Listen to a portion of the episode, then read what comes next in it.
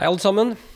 Da er vi tilbake med en eh, ny video her fra Betel Nærbø, hvor du skal få høre Guds ord.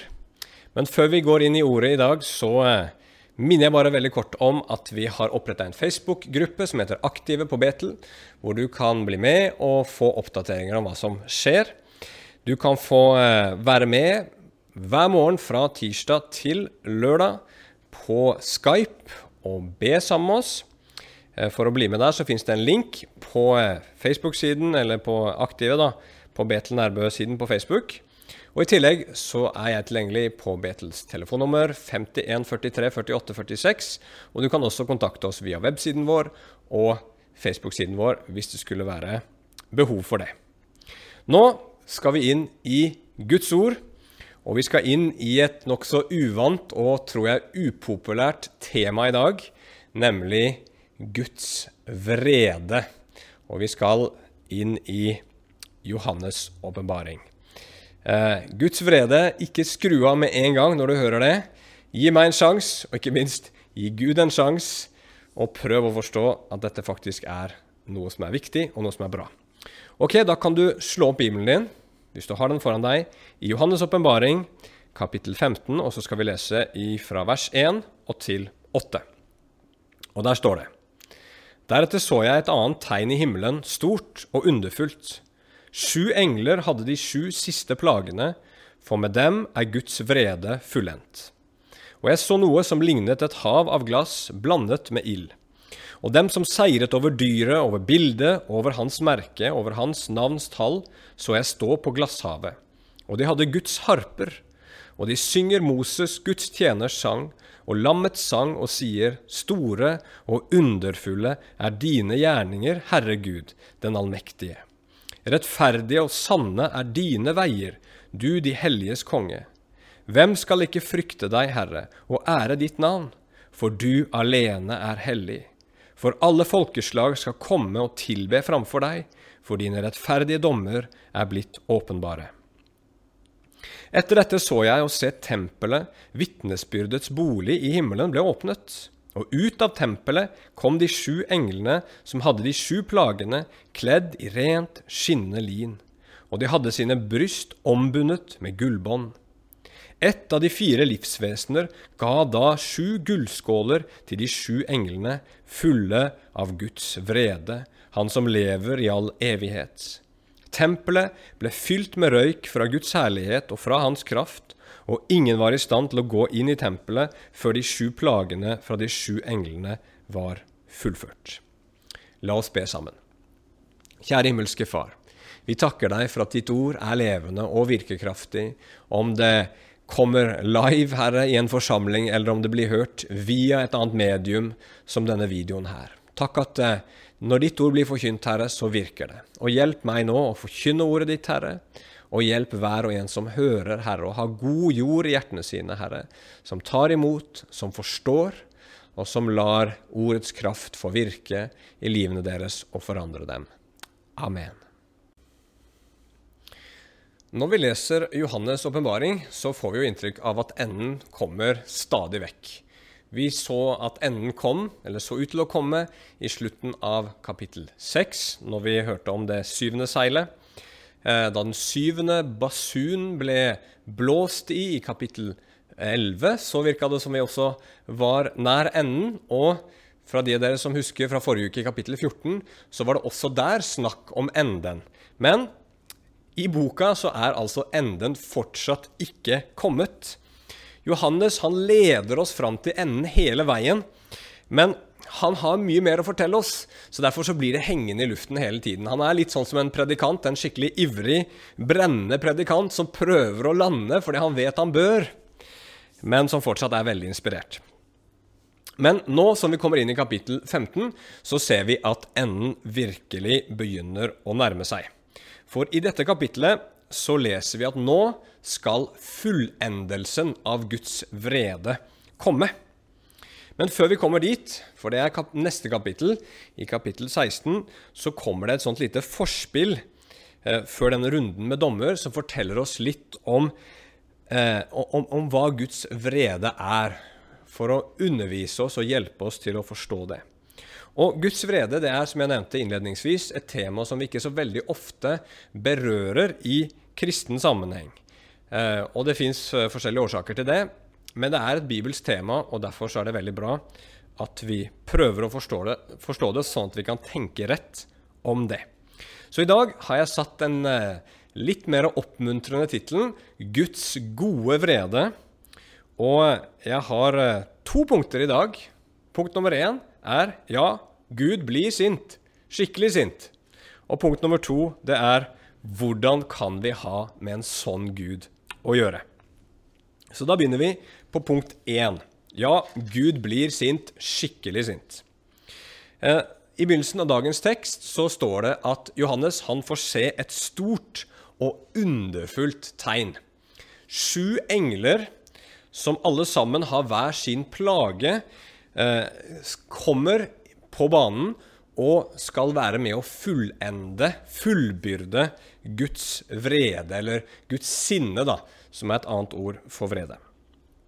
Og da må vi jo stille spørsmålet er det virkelig sånn at Gud er sint eller vred.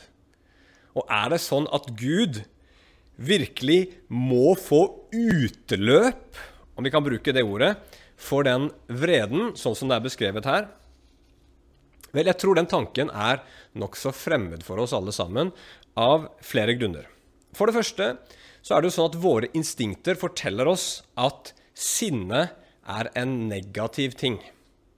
Når du blir sint, når jeg blir sint, så sier vi ofte ting og gjør ting som vi angrer på.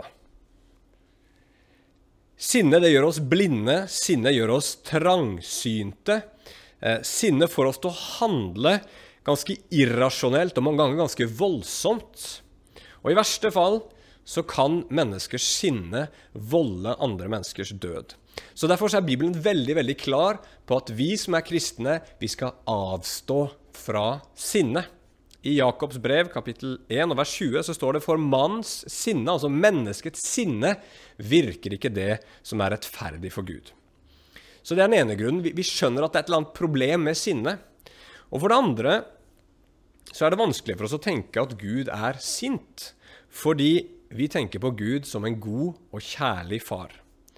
Bibelen sier jo til og med at han er kjærlighet. Bibelen sier at Gud er mild. Bibelen sier at Gud er ydmyk. Og går det an å forene disse sidene med Gud med en annen side, hvor Gud også skal være en sint Gud?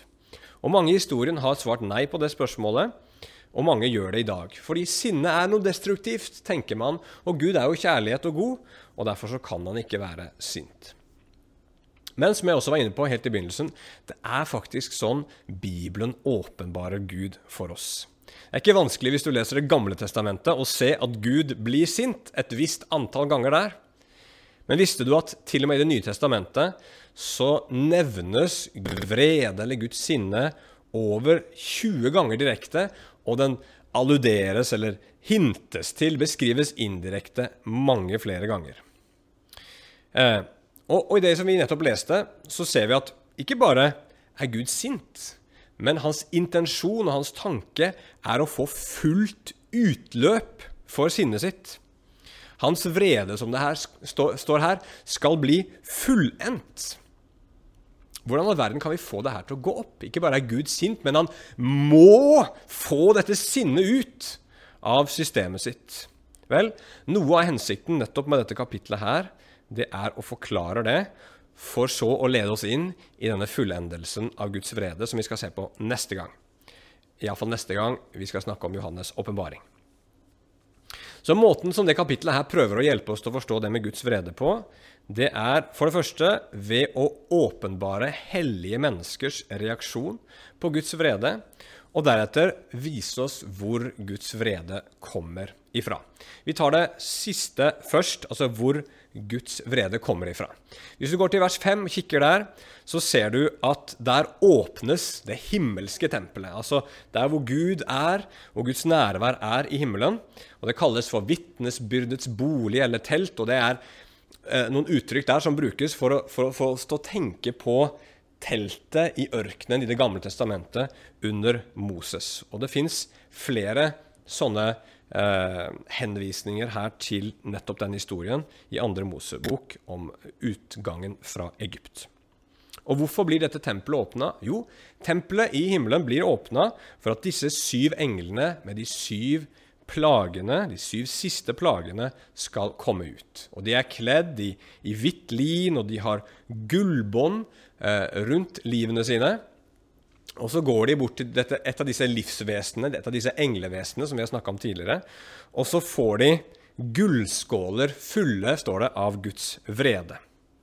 Og så skjer noe som har skjedd også flere ganger i Det gamle testamentet, nemlig at Guds herlighet og Guds kraft fyller tempelet, sånn at det, det, blir eh, umulig å gå inn der. Det skjedde også i Det gamle testamentet, når, når Moses innvia dette teltet, tabernakelet i ørkenen.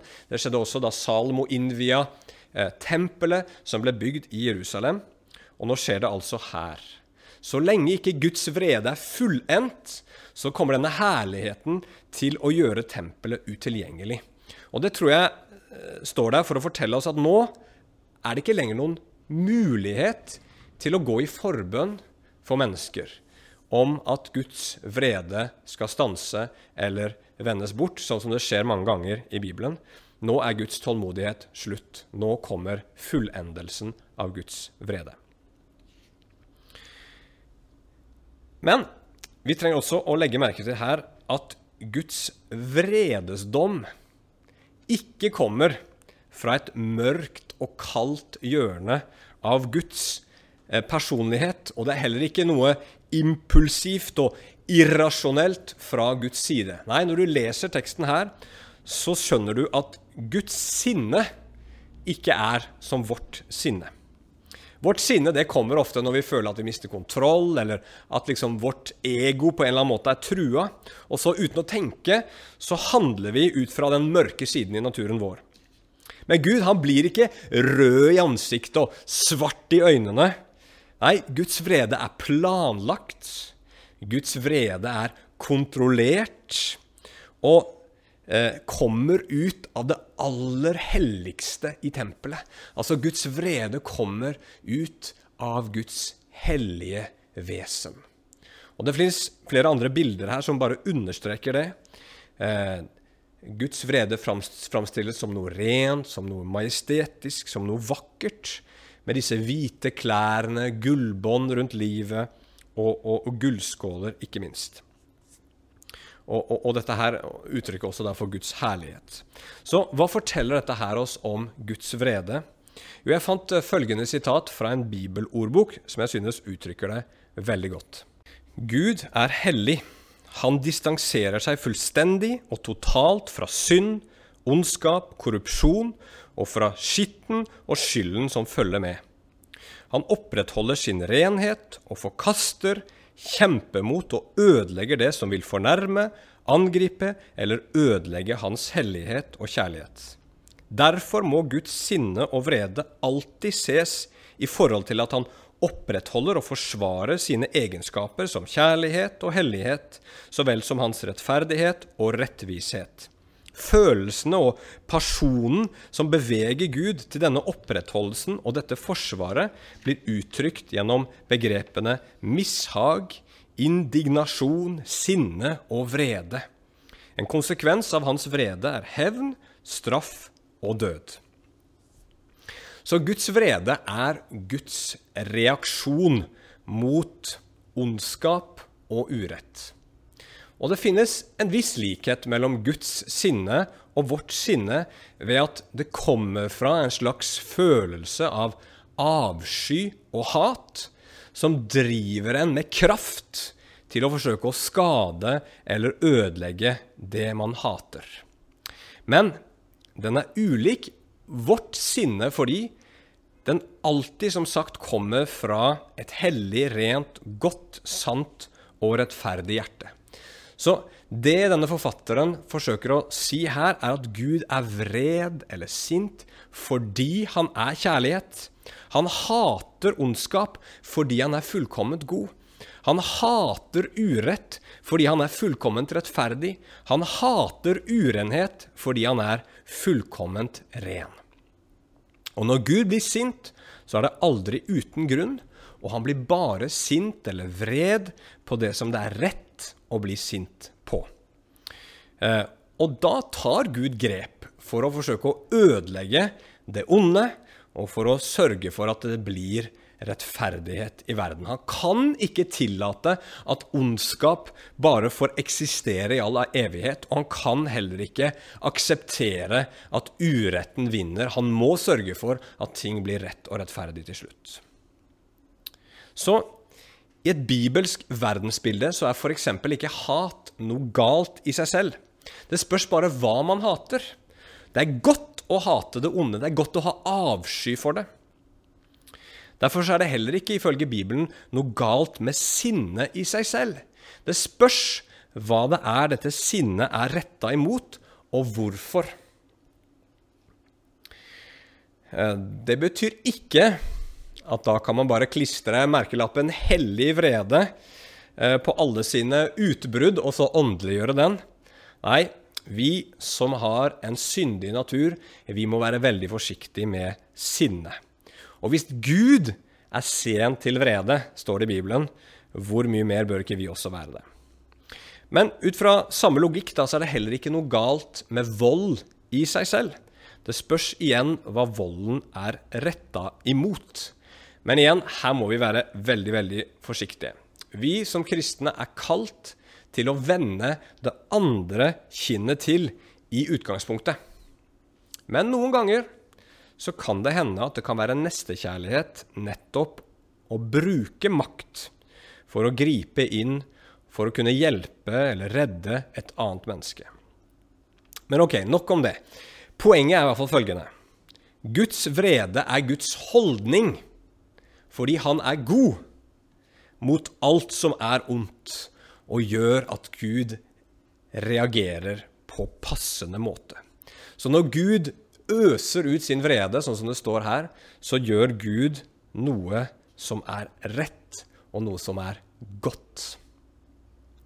Og da reagerer selvsagt mange mennesker. Hvordan kan det være godt at Gud sender straffedommer over jorden som fører til at det blir mye ødeleggelse og mye smerte? Vel, la oss prøve å angripe det problemet her fra en litt annen vinkel. Det finnes på en måte to hovedmåter som eh, mennesker anklager Gud på. Enten så syns man at han er for streng eller drastisk, sånn som vi nettopp nevnte. Men veldig ofte så klager mennesker på at Gud ikke gjør noe. Altså det typiske, klassiske spørsmålet eh, Hvordan kan Gud eksistere og være god når det er så mye ondskap i verden? Og det er klart, det er et legitimt spørsmål. Men jeg tror folk veldig sjelden har en klar idé om hva Gud bør gjøre for å stoppe denne ondskapen som han gjerne vil at han skal stoppe. Jeg tror ikke folk tenker at, at de vil at Gud skal gjøre mennesker til roboter som er tvunget til å gjøre hans vilje. Så hvis vi vil at Gud skal gjøre noe med ondskapen, så er det jo å forvente at han hanskes med ondskapen på samme måte som vi mennesker gjør det her nede på jorda, nemlig ved å dømme den og ved å straffe den. Og det er vi vel for så vidt enige at jo, hvis Gud finnes, så bør bør han, jo dømme og straffe i hvert fall noen mennesker. De som dreper, de som stjeler, eh, og de som gjør spesielt onde ting. Men da får vi et problem. For hvis Gud skal bare dømme noen, så er ikke det rettferdig. Hvis Gud skal dømme noen, så må han dømme absolutt alle. Og Hvis Gud skal stoppe noen fra å gjøre gale ting, så må han stoppe absolutt alle. Og da begynner det plutselig å inkludere deg og meg. Det ville ikke vært rett av Gud å straffe Per fordi han stjal en BMW, og så la deg gå fri, du som har stjålet pengene til din arbeidsgiver ved å sitte og surfe på internett i arbeidstiden din istedenfor å gjøre arbeid. Hvis det hadde skjedd, så hadde nok Per sagt ifra at det der var skikkelig urettferdig. Ingen av oss slipper unna. Skal Gud dømme, så må han dømme oss alle sammen. Og Bibelen er veldig tydelig på det at alle mennesker er skyldige, og alle mennesker er onde. Eh, og dermed så må Gud dømme absolutt alle. Ja, men jeg er jo ikke ond. Eh, jeg skjønner hva du mener. Jeg vet hva du tenker, jeg vet hva du føler. Men det fins mange ting jeg kunne sagt her. Eh, men jeg har lyst til å bare komme med ett eksempel som jeg nettopp kom over fra en eh, kjent gresk filosof som heter Platon. Han skrev mange bøker, og en av de het 'Republikken'. Og der kommer han med en illustrasjon som illustrerer på en veldig god måte hvordan vi mennesker er. Så sett at du fikk en ring. Forestill deg at du fikk en ring. En ring sånn som i 'Ringenes herre', som gjør deg usynlig hvis du tar den ringen på. Og så er spørsmålet Ville du forandra din oppførsel, hvordan du levde livet ditt, hvis du kunne gjøre akkurat det du ville uten at noen så deg? Altså, du tok på deg ringen, og du ble usynlig, så ingen så deg. Ville du da levd livet ditt annerledes? Plato han skriver følgende Ingen mann ville holdt hendene sine borte fra det som ikke var hans eget, når han trygt kunne ta det han likte fra markedet, eller gå inn i husene og ligge med hvem som helst etter egen lyst, eller drepe eller frigi hvem han ville, og på alle måter være som en gud blant menneskene. Han fortsetter med å forklare at hvis det var sånn at denne ringen eksisterte, eh, og, og, den ble gitt til to personer, en som var ansett å være en urettferdig person, og en som var ansett å være en rettferdig person, så ville det vist seg at begge to handla på akkurat samme måte. Og Poenget hans er å si at dypest sett så gjør vi det gode, og vi avstår fra det onde rett og slett fordi andre mennesker ser oss. Men hvis man tar det vekk, hvis mennesker ikke lenger kan se oss, så kommer også vår sanne natur fram. Og det er uten å snakke om den ondskapen som er vår aller største ondskap, men som vi samtidig er minst klar over. Og det er den ondskapen som det er å forkaste skaperen vår og behandle han som er den høyeste og den helligste, som en urettferdig tyrann eller som en fantasifigur. Så poenget er det her. Hvis Gud, eller siden Gud er god, så blir han sint og dømmer ondskapen for å ødelegge den og for å bringe rettferdighet. Og det er en god ting hvis man selv er god og rettferdig. Men for onde og urettferdige mennesker som vi her på jorda, så er det fryktelig dårlige nyheter. Og da har vi kommet til punkt nummer to. Endelig.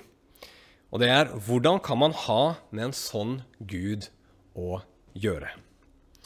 Som dere skjønner, så er ikke problemet, som man kanskje kan tenke eh, Hvordan kan jeg få meg til å tro på en sånn Gud, som er vred og, og dømmer og straffer mennesker? Nei, problemet er hvordan i all verden kan jeg ha noen som helst sjanse til å bli stående framfor en sånn Gud, som er så heftig og aggressiv mot all synd og all ondskap hos oss mennesker. Og Siden det er spørsmålet, så er det utrolig overraskende at vi leser i denne teksten her om en stor gruppe mennesker, de som tidligere tror jeg har blitt kalt de 144 000, eller Den store hvite skare, som står framfor Gud, og så priser de Gud for hans vrede og for hans dom. Ja, de synger og spiller harpe om det. De kaller det stort, de kaller det underfullt. De sier at det han gjør, er rett, og det er sant. De sier at Gud fortjener ærefrykt og ære og, og tilbedelse, og de, de, synger at det er åpenbart at det Gud har gjort, er helt rett. Det er åpenbart at dommeren har rett. Sånn er det jo veldig sjelden på en fotballbane, i hvert fall. Der klager man ofte på dommeren. Du, du, så ikke riktig, du så ikke riktig. Det var noe annet som skjedde enn det du så. Eh, motstanderen bare filma, han ble ikke felt. Eller hvis det er liksom spilleren på eget lag, da. Eh, nei, han filma ikke, han ble virkelig felt. ikke sant? Åpne øynene dine, dommer. Se! Det var det som skjedde. Er dere med? Eller når dommeren ikke sant, kommer og så peker han på straffemerket eller drar opp et kort, så bare himler alle med øynene. Åh, liksom, For en dommer overdrevet. Eller hvis det er motstanderens lag som, som, som eh, på en måte eh, er de skyldige, og de ikke får kort eller straffe, så himler vi også med øynene. Ah. Og så klager vi på dommeren. Vi vil alltid vri oss unna ved å fortelle dommeren hvordan han bør gjøre jobben sin. Det var feil. Feil dom. Du så feil. Du har ikke forstått. Du har ikke, du har ikke grepet det her. Men disse menneskene her er ikke som fotballspillere. De sier 'dommeren dømmer, og sånn vil vi ha det', og han dømmer så bra. Og det som er utrolig her, at dette er mennesker av kjøtt og blod, som deg og som meg. De er av Adams slekt, og de er født som onde syndere som står skyldige foran en hellig og dømmende og vred Gud. Og hvordan i all verden kan en Adams sønn bli stående framfor Gud og til og med synge, og til og med synge om Guds vrede og dom? Jo, det er fordi sangen de synger, den heter Moses' sang og den heter Lammets sang. Og hvordan kan den hete Moses sang og Lammets sang når den verken handler om Moses eller noe lam? Jo, det er fordi at denne sangen handler om loven som kom fra Moses og dømmer til døden. Og så handler det om lammet som dør og renser fra synd ved å sone synden med sin død. Og I tillegg til det så handler den spesifikt om det som skjedde med Moses, og det som skjedde med Guds lam Jesus Kristus. La oss ta Moses først. I Egypt så leser vi historien at Gud han dømte egypterne for deres synd ved at alle de førstefødte måtte dø. Men Israel de slapp unna. De ble redda ved at de eh, slakta et lam og smørte blodet fra lammet på dørkarmene i huset sitt. Loven dømte dem skyldig til døden, men lammet frikjente dem fra Guds rettferdige dom. Og så spoler vi fram eh, ca. 1400 år, og så kommer vi til rundt år 30 og til historien om Jesus. Hva var det som skjedde i påsken den høytiden som vi snart går inn i nå? Jo, i Romerbrevet kapittel 3, vers 19-26, så forklares det. Les det gjerne etter at du har hørt denne talen. Det forklarer at det som skjedde da Jesus døde på korset, har noe både med loven, med en rettssak og med tempelet å gjøre. For ved loven så står alle mennesker skyldige for Gud fordømt foran en hellig og rettferdig dommer i Guds rettssal, men ved at Jesus Kristus gir sitt liv som et offerlam på alteret i tempelet. Han gjør det ikke bokstavelig i tempelet, men det er som om det var i tempelet. Så får alle som tror på Han, bli rettferdige for Gud. Loven dømmer, og Jesu offer renser og frikjenner. Og vet dere at den eneste måten som det går an å juble over, noe vi egentlig burde juble over, nemlig Guds rettferdige sinne mot all ondskap og urett, det er når man kjenner Jesus. Og det kan man gjøre ikke fordi at vi er feilfrie, men fordi han er feilfri. Og når vi tror på han, så får vi bli kledd i hans feilfrihet eller hans rettferdighet. Og vi kan også juble ikke fordi at synden ikke blir straffa, for det gjør den. Men synden faller, og syndens dom faller på Jesus, som blir straffa frivillig istedenfor oss. Og når det er sånn, så er det fantastisk, fordi da fins det et sikkert håp om at Gud ikke kommer til å la, la noe synd bli ustraffa. Gud kommer ikke til å la noe ondskap forbli. Han kommer til å dømme og straffe og utøse sin vrede over det, alt sammen. Ondskapen skal bli stoppa. Gud har ikke slutta å være rettferdig fordi han frelste oss. Nei, Gud kommer til å gjøre opp én gang for alle. Men samtidig så fins det håp for oss som er onde syndere, sånn som du og jeg. Vi som normalt sett skulle blitt dømt, vi blir frikjent gjennom Guds vrede og dom. Vi blir frikjent ved at Gud straffer Jesus istedenfor oss.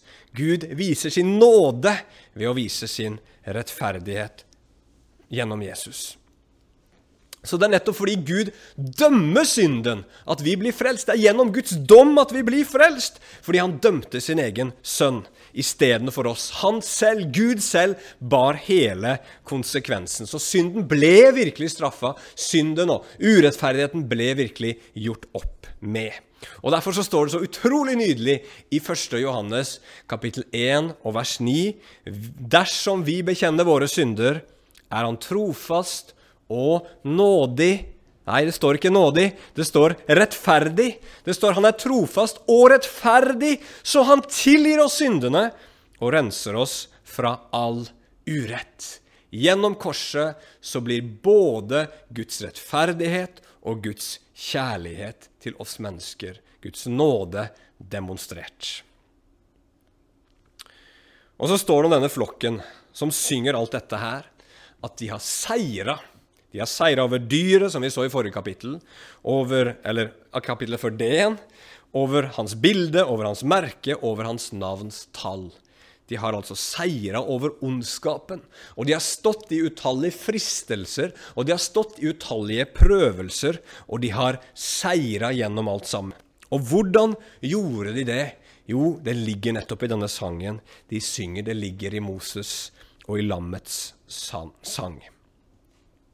De har seira fordi de har sett Guds dom. Fordi de har sett Guds dom i Jesus Kristus.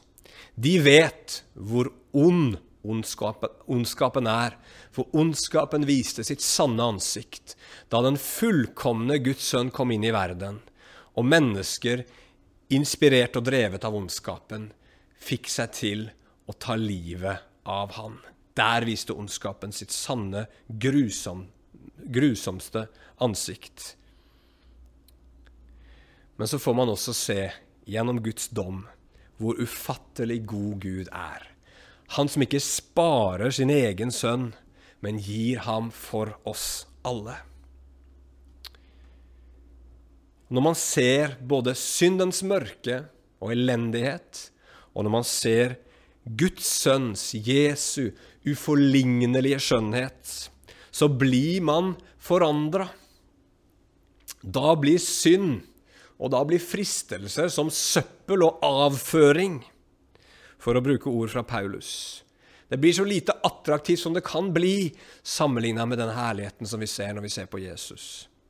Og da er det også sånn at ingen lidelse, ingen prøvelse, ingen vanskelighet, ingen pris å betale blir for høy, hvis vi kan betale den for å ære Gud og for å vise Han litt takknemlighet for alt det Han har gjort. Så som kristen, hvis du vil leve et seierrikt liv, hvis du vil seire, så fest blikket ditt på Jesus og finn styrke der. Og til slutt til deg. Hvis du hører det her, og du ikke har satt din lit til Jesus som din frelser og Herre, så har jeg lyst til å si følgende. Gud er sen til vrede. Han er tålmodig. Han gir oss mange sjanser. Men en dag så tar det slutt. Og da er det for sent. Og da skal du og jeg stå framfor Gud og bli dømt med rettferdighet. Og da går det ikke bra for et eneste menneske. Da går vi fortapt. Det er sikkert, og det er visst. Det eneste håpet på den dagen, det eneste som kan redde oss, det er at vi setter vår lit til Jesus Kristus og bli kledd i Han. Vil du gi livet ditt til Han i dag? Han døde for deg for at du skulle bli frikjent og bli et Guds barn. La oss be til slutt. Himmelske Far, bare ber om din velsignelse til hver og en som hører dette budskapet. At vi skal forstå at din vrede er noe godt og noe bra. Ja, gjennom din vrede over synden så ble vi frelst fordi du valgte å straffe din sønn Jesus Kristus, og la han få bære hele konsekvensen av alt vårt opprør og vår ondskap, for at vi skulle gå fri. Og så forteller også din vrede oss at du ikke kommer til å la ondskapen seire. Du kommer ikke til å, la urettferdigheten seire, men du kommer til å seire. Du, Herre, er farligere enn ondskap, farligere enn urettferdighet, og du kommer til å beseire dem en gang for alle. I Jesu Kristi navn. Det takker vi deg for. Amen. Det var Guds ord for i dag. Gud velsigne deg, og så håper jeg vi høres snart.